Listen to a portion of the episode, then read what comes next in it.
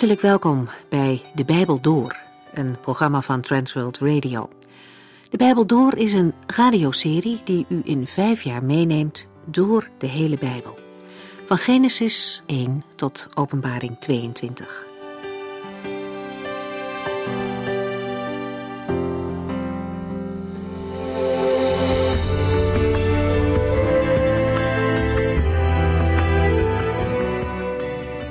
We zijn toe aan het laatste hoofdstuk van het Bijbelboek Lucas. Vandaag gaat het over twee mannen die de opgestane Heer ontmoeten zonder dat ze het beseffen.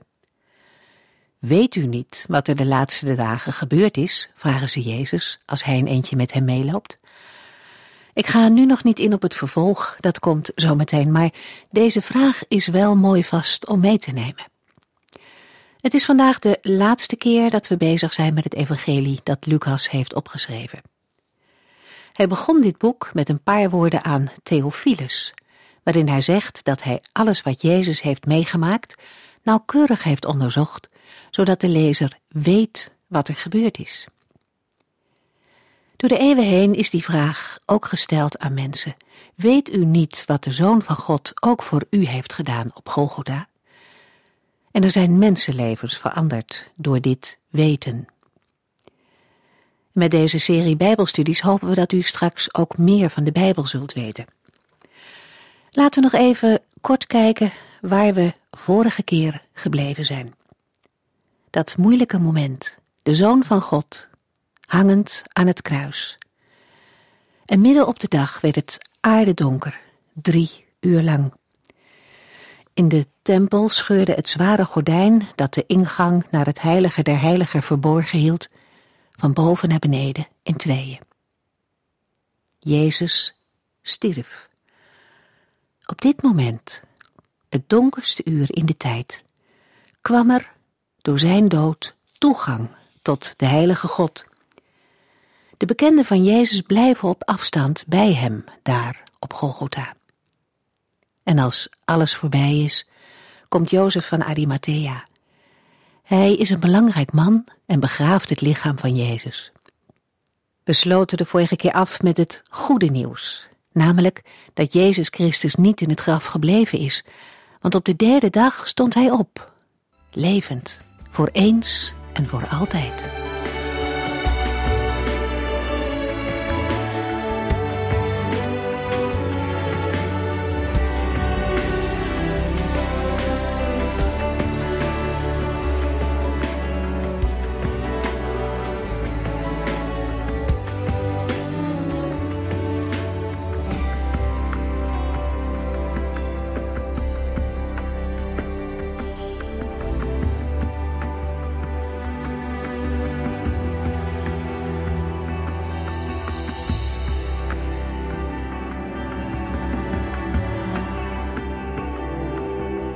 In de vorige uitzending zijn we de vrouwen gevolgd naar het graf van Jezus. De vrouwen kwamen om hun kruiden te brengen, maar de kruiden zijn toen niet gebruikt. Eigenlijk was het zo dat de Jezus al gezalfd was. Denk u nog eens terug aan de geschiedenis in Lucas 7. De zalfolie van Maria van Betanië was geen verspilling. Zij mocht Jezus toen zalven voor zijn begrafenis. Dat konden deze vrouwen na zijn begrafenis niet meer doen. Jezus was opgestaan. Lucas 24, vers 3. Toen ze naar binnen stapten, zagen ze dat het lichaam van de Heer Jezus er niet meer was. De beide engelen bevestigen wat ze zagen. Hij is hier niet. Direct daarna verkondigen zij de boodschap van de opstanding.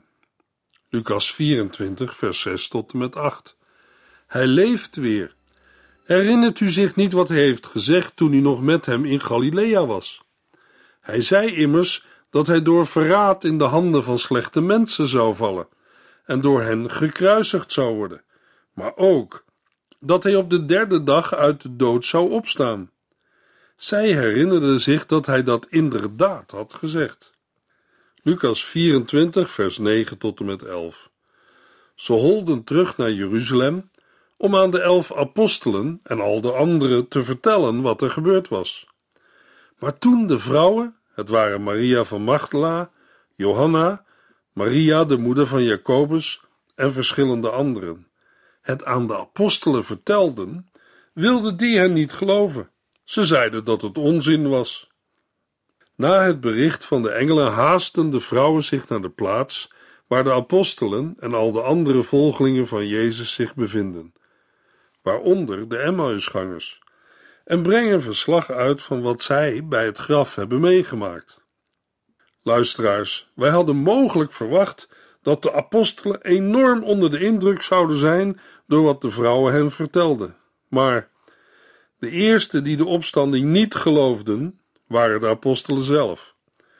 Toch had de Heer Jezus hen verschillende keren gezegd wat er zou gebeuren. Ook Lucas geeft in vers 10 een opsomming van de betrokkenen. Maria van Magdala, Lucas 8, was de vrouw aan wie Jezus zich na zijn opstanding het eerst vertoonde. Johannes 20. Zij speelt een belangrijke rol als getuige van de opstanding.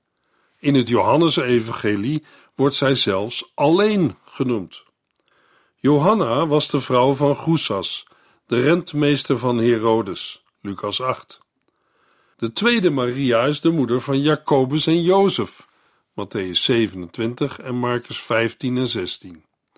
Zij wordt ter onderscheiding van Maria van Magdala ook wel de andere Maria genoemd en was mogelijk de vrouw van Klopas, Johannes 19.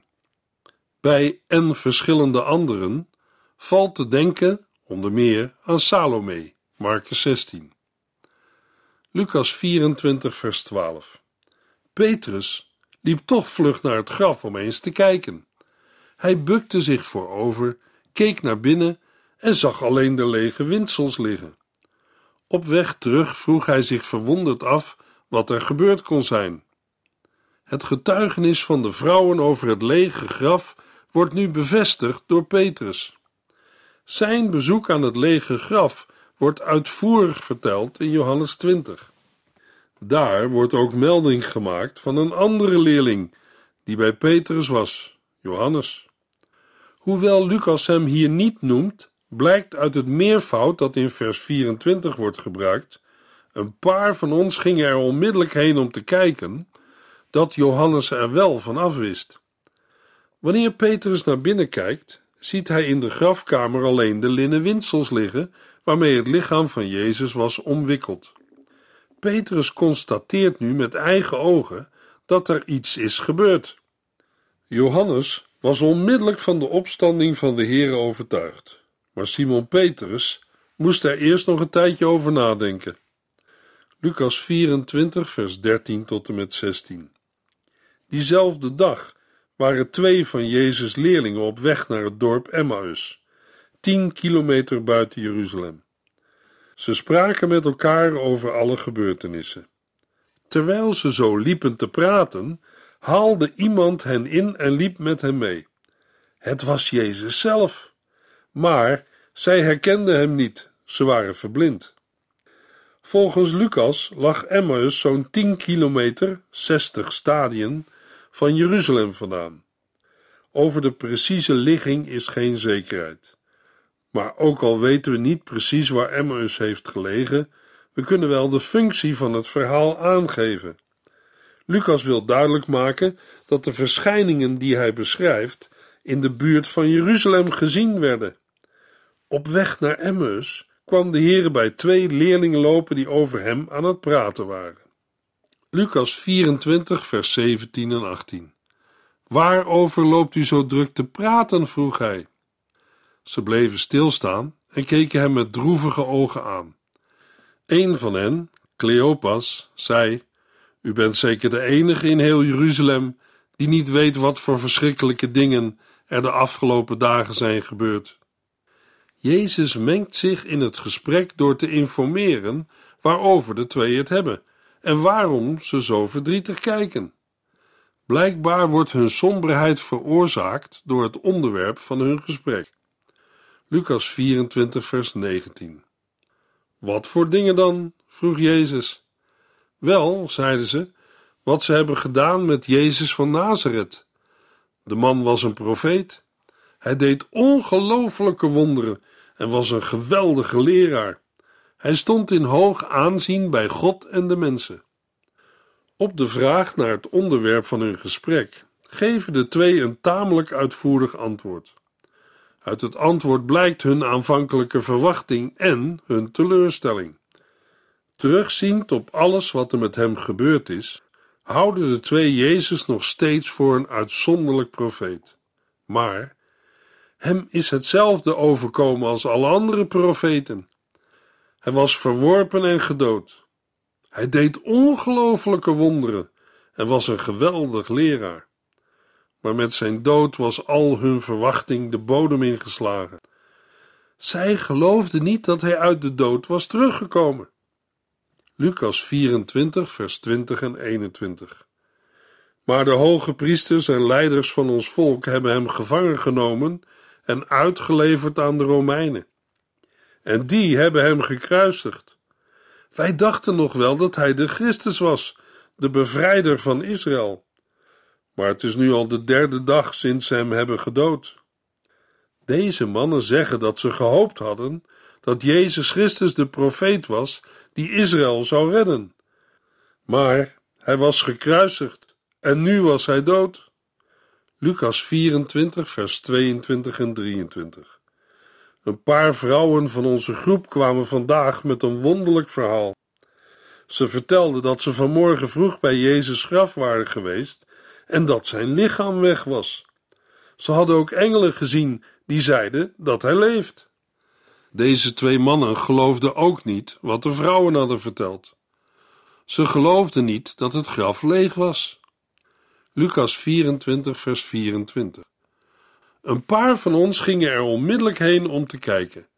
En inderdaad, het lichaam was weg, zoals de vrouwen hadden gezegd, maar Jezus zagen ze niet. Hoewel Lucas in vers 12 alleen Petrus noemt, blijkt nu dat er meerdere personen naar het graf zijn gegaan om het verhaal van de vrouwen na te gaan. Zij bevestigen de feiten: de weggerolde steen en het lege graf. Maar kunnen het getuigenis van de opstanding van Jezus nog niet bevestigen. Een leeg graf leidde bij hen nog niet tot de overtuiging dat Jezus uit de doden was opgestaan. Lucas 24, vers 25. Jezus zei tegen hen: Wat bent u toch dom? Wat hebt u moeite om alles te geloven wat door de profeten is gezegd? Jezus zelf neemt nu het woord.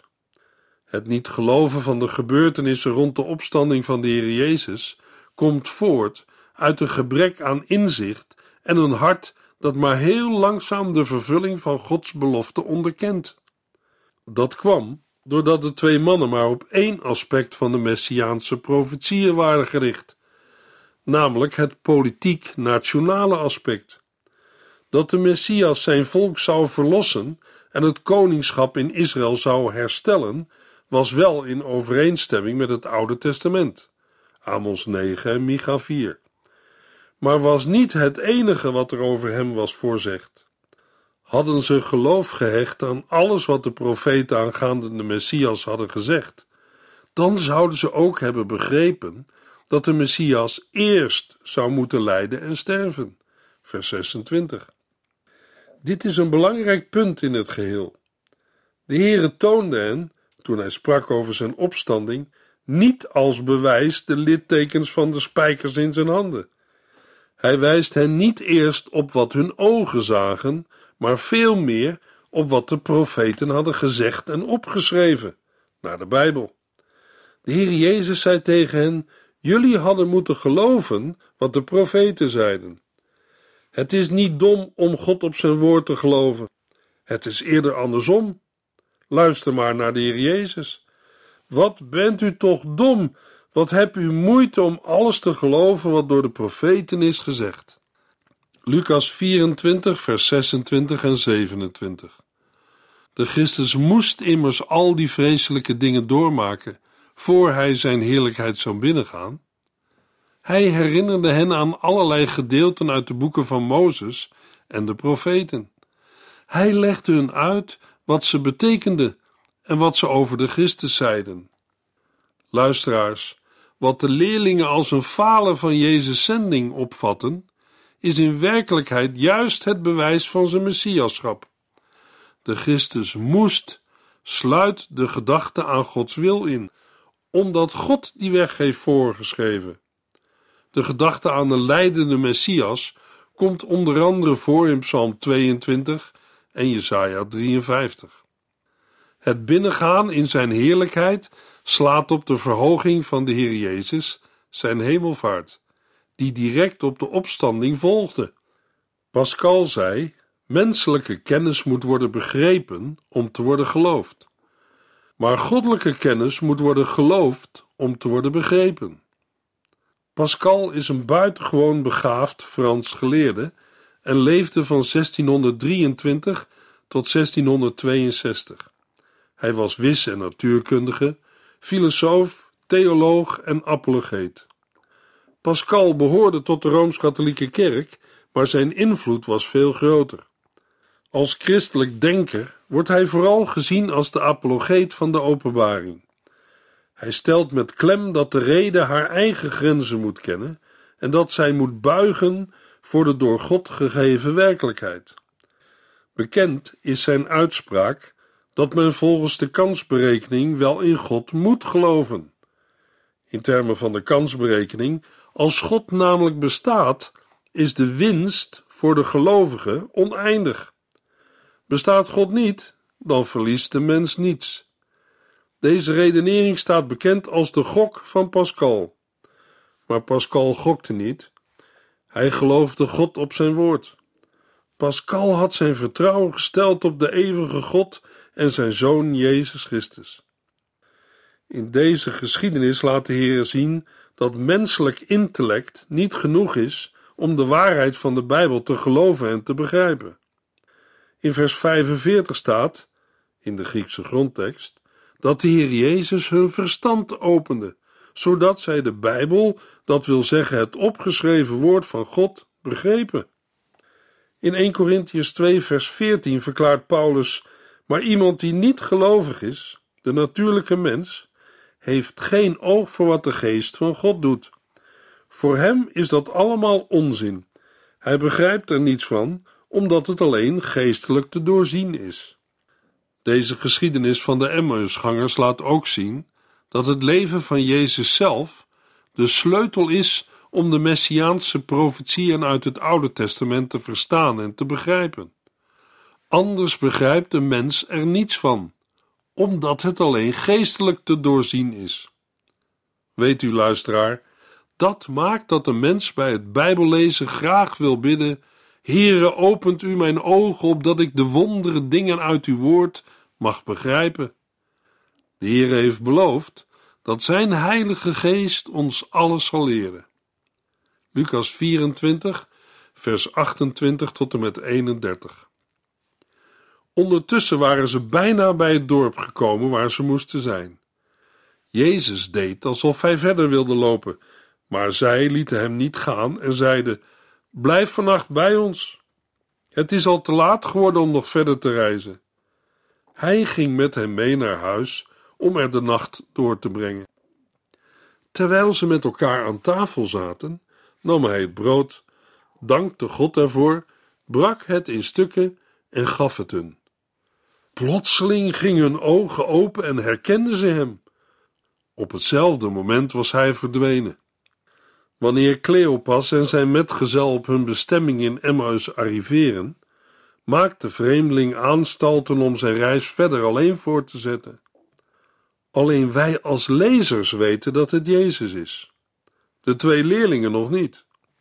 Met het oog op het late tijdstip vragen ze hem bij hen te blijven, zodat hij geen onderkomen voor de nacht hoeft te zoeken. Gebruikelijk is dat de gastheer bij de maaltijd een dankzegging en zegen uitspreekt. Maar nu neemt de gast de rol van de gastheer over. Jezus neemt het brood, spreekt de dankzegging uit en deelt het uit. De woorden doen denken aan de spijziging van de vijfduizend, Lucas 9, en vooral aan het laatste avondmaal, Lucas 22 en Johannes 21. De nadruk ligt op het moment van herkenning. die vindt plaats op het ogenblik dat het brood gebroken wordt. Dan wordt de verblinding, vers 16, opgeheven en op het moment dat de twee leerlingen Jezus herkennen, verdwijnt hij uit hun midden. Daar moet u niet van opkijken. De Heer Jezus heeft na zijn opstanding uit de doden een opstandingslichaam. Dat is voor ons moeilijk voor te stellen, maar dat is een lichaam dat niet aan ruimte en tijd is gebonden. De Heere treedt terug in de heerlijkheid die hij al was binnengegaan. Vers 26. Luisteraar, de Heer Jezus werd herkend bij het breken van het brood. Tijdens de viering van de Joodse paasmaaltijd, tijdens Pesach, had de heiland het avondmaal ingesteld. Doe dit tot mijn gedachtenis. Wanneer heeft u voor het laatst avondmaal gevierd? Dat kan net zo'n herkenning worden als in Emmaus. Lucas 24, vers 32 en 33. Ze zeiden tegen elkaar: Weet je nog hoe diep we in ons hart geraakt werden toen hij met ons liep te praten en ons een glasheldere uitleg gaf over wat er in de boeken staat? Ze stonden onmiddellijk op en liepen vlug terug naar Jeruzalem. Daar vonden ze de elf leerlingen van Jezus en zijn andere volgelingen allemaal bij elkaar. Na de herkenning en verdwijning van de Heer Jezus keren de Emmausgangers meteen naar Jeruzalem terug. In Jeruzalem treffen ze de elf leerlingen met de andere volgelingen. Het moet toen al laat in de avond zijn geweest. Lucas 24, vers 34. Zodra die hen zagen, zeiden ze: Het is toch waar, de Heer is weer levend geworden. Simon heeft hem gezien. Het is opvallend dat de verschijning aan Petrus indirect wordt verteld, terwijl de verschijning aan de Emmausgangers juist heel uitgebreid verteld wordt. De heiland verscheen privé aan Simon Petrus. Ik denk dat de Heere Petrus eerst onder vier ogen wilde spreken, voordat hij hem zijn plaats onder zijn leerlingen teruggaf. Johannes 21. Denk daarbij aan de verloochening van Jezus door Petrus. Lucas 24, vers 35 tot en met 44. De twee mannen uit Emmaus vertelden dat zij Jezus ook hadden gezien, dat hij met hen was meegelopen en dat ze hem pas hadden herkend toen hij het brood brak. Terwijl ze nog aan het vertellen waren, stond Jezus plotseling bij hen. Ze schrokken allemaal en dachten dat hij een geest was. Waarom zijn jullie zo van streek? vroeg hij. Waarom twijfelen jullie eraan of ik het werkelijk ben? Kijk maar eens naar mijn handen en mijn voeten. Ik ben het echt. Voel maar. Een geest heeft geen vlees en botten, en ik wel, zoals jullie zien. Terwijl hij dit zei, liet hij zijn handen en voeten zien. Hoewel ze heel blij waren, leek hun dit te mooi om waar te zijn. Ze konden het gewoon niet geloven. Om hen te overtuigen, zei hij: Hebben jullie hier iets te eten? Ze gaven hem een stuk geroosterde vis en zagen dat hij het opat. Hij zei: Herinneren jullie je niet meer wat ik heb gezegd toen ik nog bij jullie was? Het lijkt wel of Lucas het aanvankelijke ongeloof van de leerlingen zo breed mogelijk wil uitmeten. De boodschap van de vrouwen hadden ze als onzin bestempeld. Vers 11.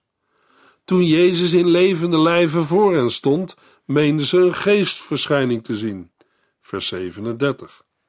En zelfs toen Jezus hun zijn handen en voeten toonde en hen uitnodigde hem aan te raken, vers 40 en 41, waren ze nog niet overtuigd, omdat het allemaal te mooi was om waar te zijn.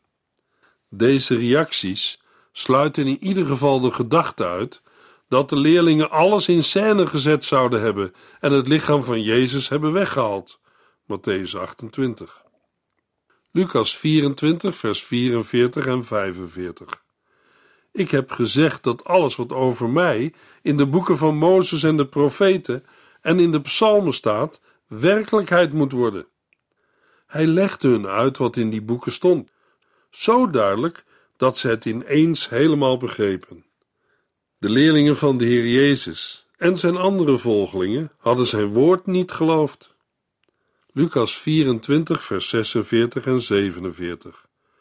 Dus, zei hij, het was al lang voorzegd dat de Christus zou lijden en sterven, en op de derde dag zou hij weer levend worden.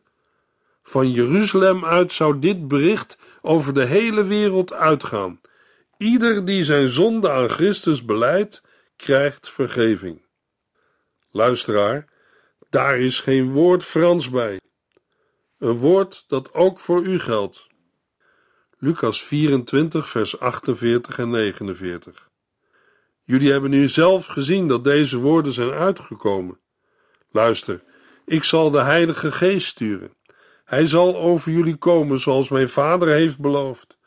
Blijf hier in de stad wachten tot jullie kracht uit de hemel hebben ontvangen. Het woord getuige heeft twee kanten. De leerlingen zijn ooggetuigen van het leven, de dood en de opstanding van de Heer Jezus, maar worden ook aan het werk gezet als verkondigers, getuigen van het lijden, de dood en de opstanding van Jezus. Lucas 24, vers 50 tot en met 53. Toen nam Jezus hem mee naar Betanië. Hij hief zijn handen op en zegende hen. Terwijl hij dat deed, werd hij opgenomen in de hemel. Ze vielen in aanbidding voor hem neer. Daarna gingen zij met grote vreugde terug naar Jeruzalem.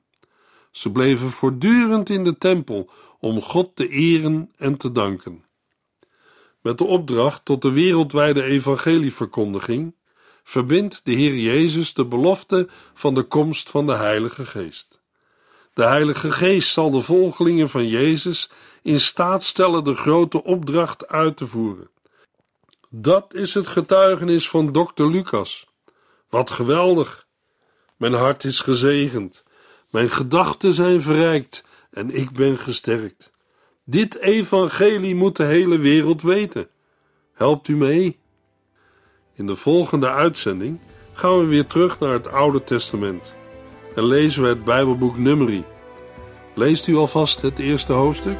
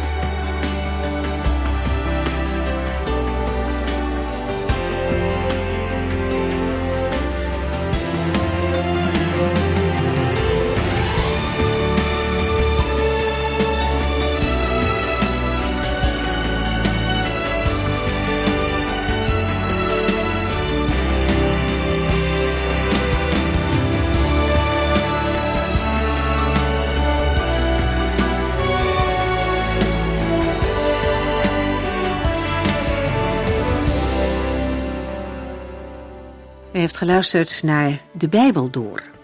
In het Nederlands vertaald en bewerkt door Transworld Radio. Een programma waarin we in vijf jaar tijd de hele Bijbel doorgaan. Als u wilt reageren op deze uitzending of u heeft vragen, dan kunt u contact met ons opnemen. Tijdens kantooruren kunt u bellen op 0342 47 8432. 0342 47 8432. 32. Ook kunt u een e-mail sturen naar de Bijbel door transworldradio.nl en natuurlijk kunt u ook via de post ons bereiken. TWR, postbus 371, postcode 3770, AJ in Barneveld. Dit programma werd gepresenteerd door Cor Weda en Ike André. Techniek was in handen van Odin van Woerdekom. En wij allemaal bedanken u voor het luisteren. Graag tot de volgende keer.